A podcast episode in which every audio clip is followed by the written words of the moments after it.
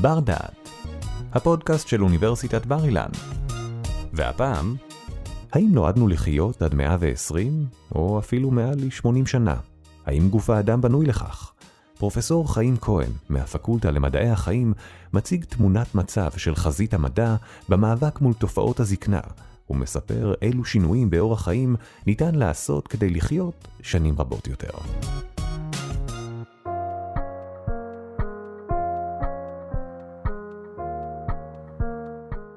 אני אתחיל בלהסביר למה לא נועדנו להזדקן, לא למה אנחנו מזדקנים.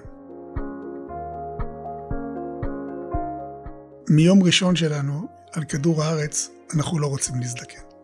אנחנו רואים את זה לאורך כל ההיסטוריה, אנחנו רואים את זה, מי שמכיר מיתולוגיה, אנחנו רואים את זה מיתולוגיה, בין אם זה שדות אליסיום, בין אם זה, תיקחו אפילו את התנ"ך, לכאורה אנחנו לא רצינו להזדקן, וזה מאוד בולט בשני ז'אנרים, ספרות ילדים ומדע בדיוני. ספרות ילדים, כל מי שמכיר, לורד אה, וולדרמוט לא רצה להזדקן, ניקולס פלמל תהה אם הוא צריך להמשיך לא להזדקן.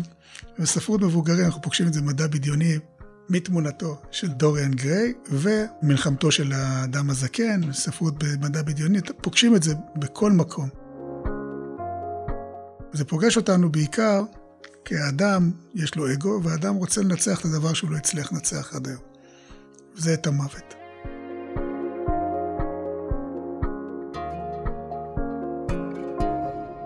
אז השאלה הראשונה שאנחנו צריכים לשאול את עצמנו, אחד, האם נצליח? ושתיים, למה בכלל אנחנו מזדקנים? אז לגבי האם נצליח, אין לי תשובה. אני חושב שיש לי תשובה, ואולי לא תנעם לאוזנינו, אני חושב שלא נצליח. את המוות לא נצליח לנצח ככל הנראה. לפחות מה שקורה היום. נצליח לדחות את תופעת ההזדקנות? אני חושב שכן. אנחנו גם רואים את זה במאה האחרונה, אנחנו מעריכים את תוחלת החיים הממוצעת וגם את תוחלת החיים המקסימלית.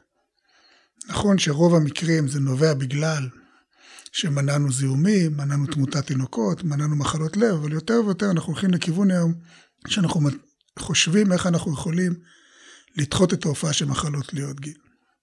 אבל לפני זה צריך לשאול את השאלה הראשונה, למה אנחנו מזדקנים? ובכלל, האם נועדנו להזדקן? אז השאלה אם נועדנו להזדקן היא מאוד פשוטה. לא. התשובה היא פשוטה, לא נועדנו להזדקן. איך אני יודע את זה? מסיבה פשוטה, אני מסתכל בטבע ואני שואל האם חיות מזדקנות. רוב החיות בטבע לא מזדקנות. מה הכוונה לא מזדקנות?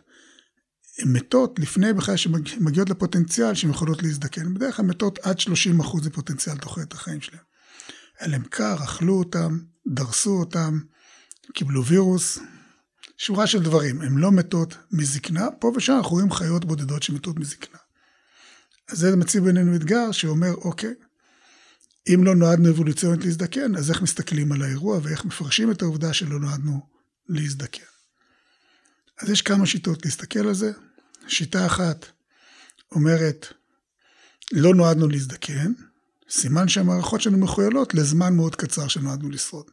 אנחנו כל הזמן צוברים מוטציות. יש הערכה שיש לנו בין 40 אלף מוטציות בכל תא כל, בכל יום לבין 240 אלף מוטציות בכל תא כל יום. לכאורה היינו צריכים להתפרק כל שלוש שניות עם כמות כזאת של מוטציות. בדיעבד יש לנו הרבה מאוד מנגנונים שמתקנים את המוטציות. אנחנו נמצאים במצב ש-99.99% מהמוטציות מתוקנות. עדיין אנחנו צוברים מוטציות. אז תיאוריה כזאת תגיד, אנחנו צוברים עוד ועוד מוטציות, כמות התיקון שאנחנו עושים מחויל ל-30% שרידות, תשפר את זה, תאריך את החיים שלך. תיאוריות של מוטציות קרויות תיאוריות של כדורי שלג, אנחנו עוד ועוד ועוד צרות, כמו המשחק הזה שמוציאים כפיסים עד שהמגדל קורס. זה צעד אחד. תשפרו את התחזוקה, תמנעו הזדקנות. אנחנו מזדקנים כי התחזוקה שלנו גרועה, אנחנו לא יודעים לשרוד עם כזאת כמות של נזקים, עם כזאת רמה של תחזוקה. גישה אחרת אומרת, אנחנו מזדקנים כי יש לנו הרבה מאוד מסלולים, בעיקר מטאבוליים, שיש להם נזקים משניים, ושוב פעם, אתה צובר נזקים, ועד שאתה, המערכת לא מתפקדת, ואתה פשוט מזדקן. גישות אחרות אומרות, זה לא בדיוק בגלל זה, אלא בגלל שיש תהליכים שקורים בגיל צעיר, שבדרך כלל מופסקים בטבע, כי אנחנו לא, מגיע, לא ממשיכים לחיות. אנחנו שרדנו, והמסלולים האלה ממשיכים. התיאוריות האלה בעיקר משייכות את זה לכמות המזון שאנחנו צורכים, או לכמות הנוטריאנטים, למטבעות האנרגיה שלנו. הם יגידו שיש לי איקס אנרגיה, שבדרך כלל בגיל צעיר משמשת לגדילה, להתפתחות, לרבייה, כל התהליכים שאנחנו עושים עד גיל צעיר. התהליכים האלה ממשיכים אחר כך, שום דבר לא עוצר אותם, אבל אנחנו כבר לא גדלים בגודל, אנחנו לא ממשיכים להתפתח, והפעילות המתמשכת שלהם מובילה להזדקנות. האם זה נכון? יש כמה הוכחות שהן מוכיחות שזה נכון. ההוכחה הכי פשוטה היא שחיות בטבע שממשיכות לגדול, קצב ההזדקנות שלהם מאוד מועט. למשל כרישים ולובסטרים ונקבה של פלמידה, שזה דג, הם מזדקנים מאוד לאט. הזכר מזדקן ומת, נקבה גדלה בגודל, וקצב הזקנה שלה הרבה יותר קטן. כריש ממשיך לגדול, אה, לובסטר ממשיך לגדול, ולכן אנחנו רואים את הקצב של הזדקנות מאוד מאוד איטי. זה ברמה של תצפית. ברמה המולקולרית, אני יכול לקחת מסלולים, שאני יודע שהם דואגים לגדילה והתפתחות, ואני יכול להקטין אותם. וברגע שאני מקטין אותם, אני פתאום מוסיף 30% תוחלת החיים. דוגמאות למסלולים כאלה שניגע בזה אולי יותר מאוחר, זה מסלולים כמו mTOR, שזה חלבון שלוקח סיגנלים שונים, כמות חומצות אמינו, כמות שאכלנו וכן הלאה, ואומר, אוקיי, עכשיו תגדל, תייצר עוד חלבונים וכן הלאה. הוא גם מונע תהליך אחר שקוראים לו autophagy, שזה תהליך של פירוק של אברונים בגוף כדי לעשות מחזור יותר טוב של, של מה שיש בתוך התא ולנצל את זה מחדש. ואם אני לוקח תרופה פשוטה, רפמייצין, ונותן לחיות שאני מעכב את אמטור, אני מאריך להם את החיים.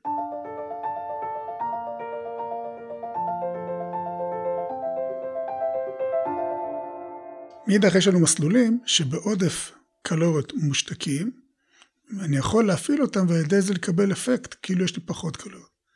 אפקט שאנחנו קוראים לו בדרך כלל הגבלת קלוריות. שם יש חלבונים למשל כמו MPK, שיש תרופות כמו מטפורמין, תרופה שכיחה שמפעילה את MPK, ויכול להיות שיש לה פוטנציאל לטפל במחלות תלויות גיל ולהאריך את החיים, או בכלל מסלולים שמעורבים באותה תופעה שקוראה הגבלת קלוריות, והם מתווכים אותה ושולטים על המסלולים האחרים שהזכרתי קודם. אז אצלי במעבדה למשל, אנחנו עובדים על חלבון בשם סרט 6, והוא קשור להגבלת קלוריות ולשני המסלולים שהזכרתי קודם. מה קורה עם סרט 6? נקפוץ עכשיו כמה שנים אחורה לסוף שנות ה-90, תחילת שנות ה-2000. סוף שנות ה-90, תחילת שנות ה-2000, היה את הפריחה של הביולוגיה המולקולרית של הזדקנות. שתיים, שלוש מעבדות בעולם עשו קפיצה מאוד גדולה בתחום. אחת מהן הייתה של לני גורנטה ב-MIT, וממנה יצא בחור בשם דויד סינקלר, שהוא פתח מעבדה בהרווארד, וכדי שהסיפור יהיה גלוי וידוע, אני באתי מהמעבדה של דויד סינקלר, באתי לשם. ובאותה תקופה, לקחו את כל הכלים המולקולריים שפיתחנו, וניסו להבין את המנגנונים של הזדקנות. אחד הדברים הראשונים שעשו, לקחו יצור מאוד מאוד פשוט, שקוראים לו בשם מאוד מורכב, מאוד יפה, Saccharomyces cerevisiae, ואנחנו קוראים לו שמר. אותו שמר שאנחנו קונים במכולת, שמר האפייה. הסתכלו האם אפשר בשמר לראות מה מבקר את תוחלת החיים שלו.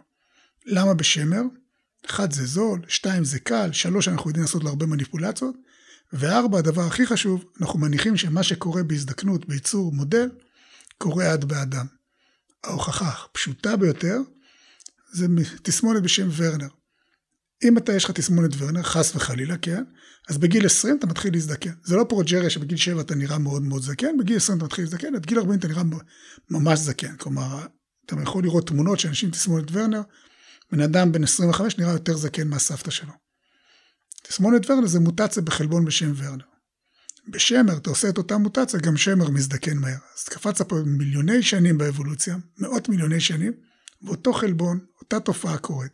שניהם אתה גורם להזדקנות מואצת, ושניהם מבקר את זה אותו חלבון. אנחנו מניחים שאותם מסלולים שקורים בצורי מודל, קורים גם בבני אדם, אנחנו גם מצליחים להוכיח את זה. אני מתחיל מהסיפור הזה, כי עשו הגבלת קלוריות בשמרים. שאלו מי מתווך את זה. ומצאו שגן, עם שם מאוד מלכותי, סר 2, שם מאוד משעמם, זה ראשי תיבות של Silencing Deformation Regulator, אבל אז זה נשמע עדיין טוב, סר 2, מבקר את תוחלת החיים בשמר, כלומר שאתה עושה נוקאוט שלו, השמר חי פחות, שאתה מבטא אותו ביתר, השמר חי יותר, שזה אקוטי להבנת הזדקנות, וגם שהוא חסר, אין לך הארכת חיים על ידי הגבלת קלוריות. הגבלת קלוריות כמעט בכל יצור, משמר עד לקופים, אתה מקצץ בקלוריות, הם חיים 20-30 אחוז יותר, ואתה דוחה את ההופעה של מחלות תלויות גיל. כלומר, אם תמצא את שחקני המפתח בהגבלת קלוריות, אתה מתחיל משמר, תסיים את זה בבני אדם, תמצא איך להאריך את החיים הבריאים בבני אדם.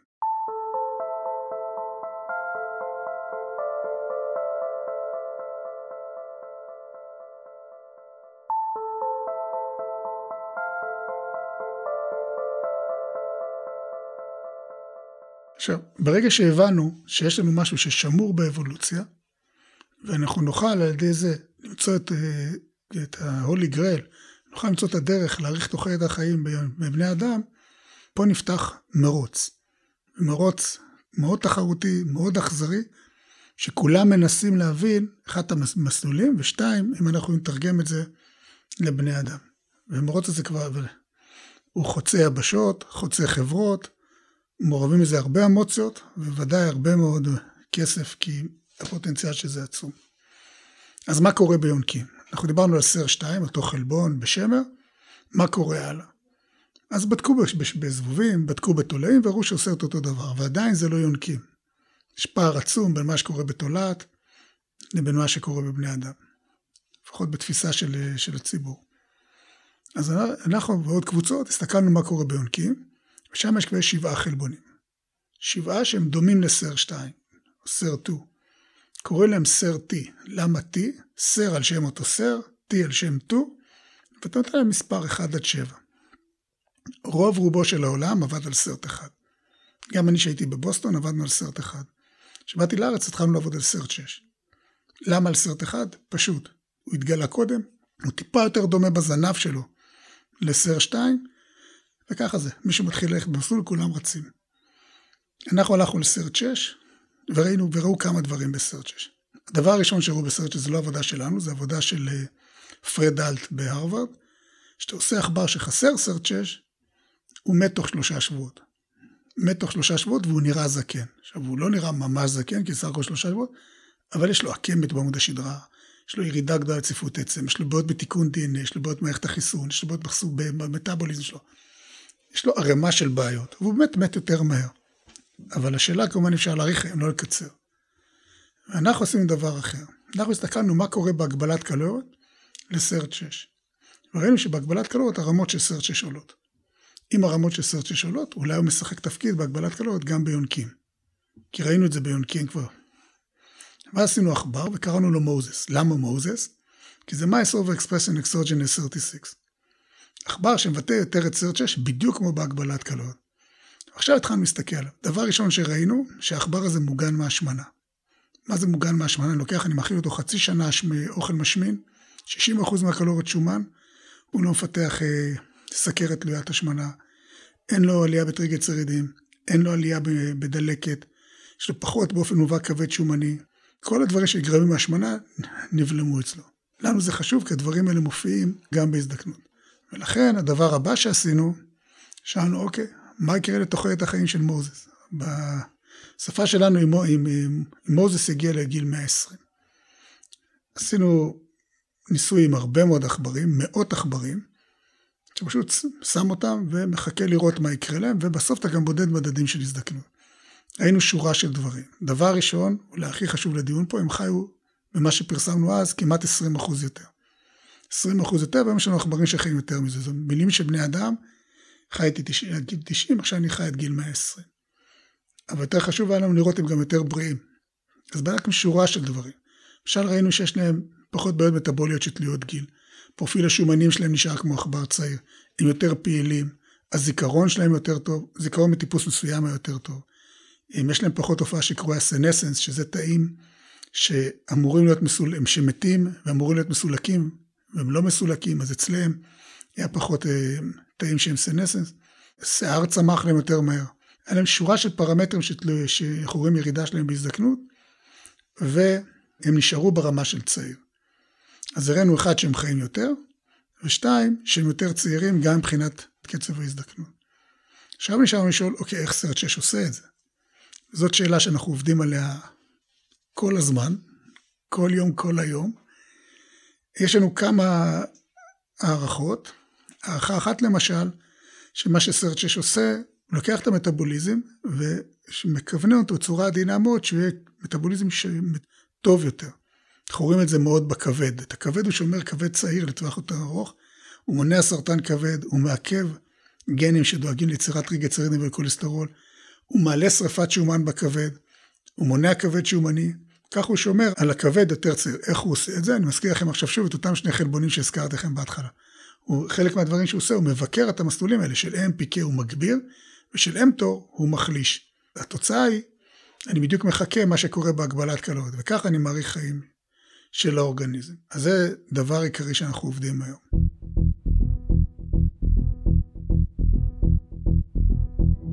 אז עכשיו השאלה היא, אנחנו יודעים איזה חלבונים או איזה גנים חשובים להזדקנות, לפחות אנחנו חושבים שאנחנו יודעים, אנחנו יודעים את אה, חלקם, אנחנו יודעים שיטות שאנחנו עשינו בחיות שהן לא קשורות לגנים שיכולות להאריך חיים, מה עושים בבני אדם, כלומר איפה אנחנו לוקחים את זה בבני אדם. אז אפשר לעשות הגבלת קלוריות בבני אדם, רוב האנשים לא יסכימו לאכול 30-40% פחות לכל חיים, זה לא מחזיק, אנחנו יודעים את זה מדיאטות.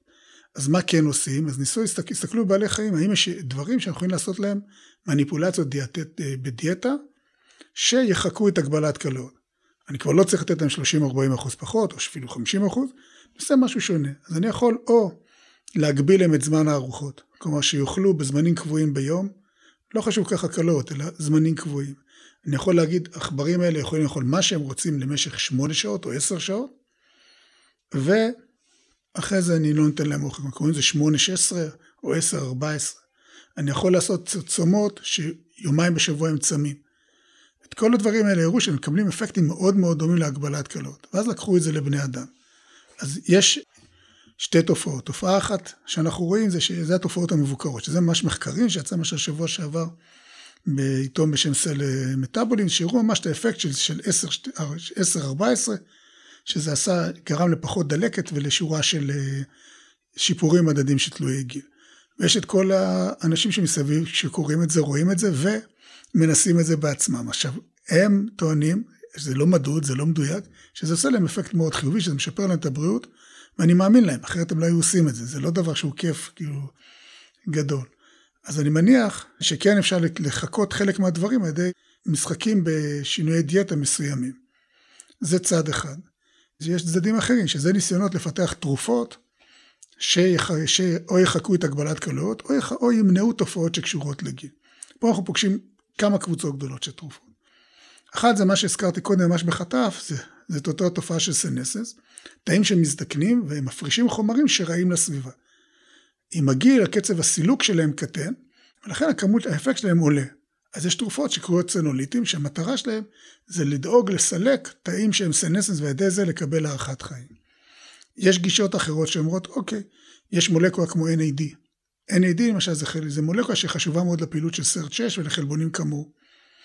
והרמה שלו יורדת עם הגיל. אז יש גישות שאומרות, אוקיי, בוא ניקח חומרים שמשמשים לייצור NAD, נספק אותם בתור תוסף לאוכל, ונראה אם זה יכול להאריך את החיים. בעכברים זה הראה שיפורים מדדים שהזדקנו, למשל השינה הייתה הרבה יותר טובה, שינה עם הגיל יורדת, אז הייתה עלייה, עלייה בשעות השינה ושיפור במאג, באיכות השינה, ושנתנו NAD, אה, פרקורסורים, חומרי מוצא ל-NAD בגיל מבוגר, הם קיבלו איזושהי הארכת חיים של חמישה עד שבעה אחוזים, שזה לא רע. בקבוצה קטנה של עכברים, אני מסייג את זה בזה.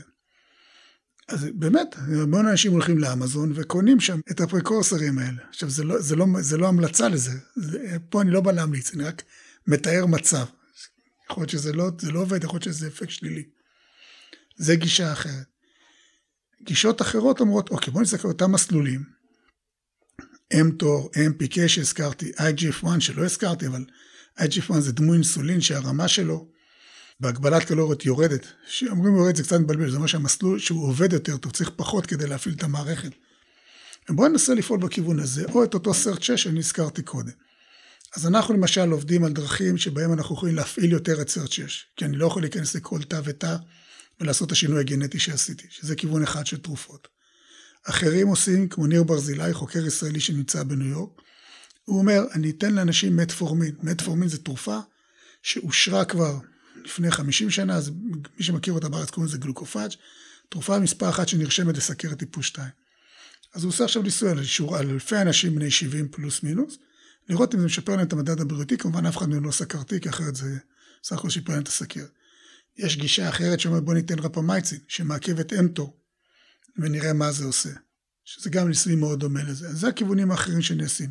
בין אם זה ניסיונות שלנו לפתח תרופות על סרט 6, בין ניסיונות של אחרים לסכם מסוימים מקבילים לסרט 6 כמו אמטור ו-MPK וחלק גם ינסו להשתיק את IGF-1 שזה כבר טיפה יותר מורכב בגיל מבוגר או לדאוג לסילוק של תאים של סנסס, ובכלל צריך להבין שאנחנו בתקופה שאנחנו בורחנו. כשאני מתכוון בורחנו, אני חושב, אחד, מצד אחד, יש לנו הרבה מאוד ידע שצברנו, אנחנו רואים עוד ועוד ועוד גישות שיכולות להאריך חיים בריאים, ואנחנו יודעים לתרגם אותם כבר למונחים של תרופות וטיפול באנשים, וגם המודעות של הציבור מאוד מאוד עלתה, של הציבור ושל של תמיכה במחקרים, ובעצם אם אני אקח את כל מה שאמרתי, אז יש לנו הזדמנות יוצאת דופן לשנות את המציאות. יש לנו הרבה מאוד ידע שצברנו, אנחנו יודעים איך לתרגם את זה לבני אדם. אנחנו, כמות האנשים בעולם שעברו את גיל 65 גדלה באופן ניכר, היא הולכת להיות 25-30 אחוז מהעולם, נשפר להם תוחלת החיים, נהפוך אוכלוסייה ניכרת ליצרנית ותורמת, ויש לנו בתור ביולוגים את, ה, את הכוח ואת ההזדמנות לשנות את המציאות. כל מה שאנחנו צריכים זה יותר uh, תמיכה ואנחנו נוכל לשנות את העולם. תודה שהאזנתם לבר דעת. מיטב המרצים והחוקרים של בר אילן בחרו עבורכם את הנושאים המסקרנים ביותר מתחום התמחותם. התוצאה? ספריית פודקאסטים משובחת שכולה זמינה לרשותכם. בר אילן, משפיעים על המחר, היום. ערך והפיק אורי טולדנו. תודה על ההאזנה.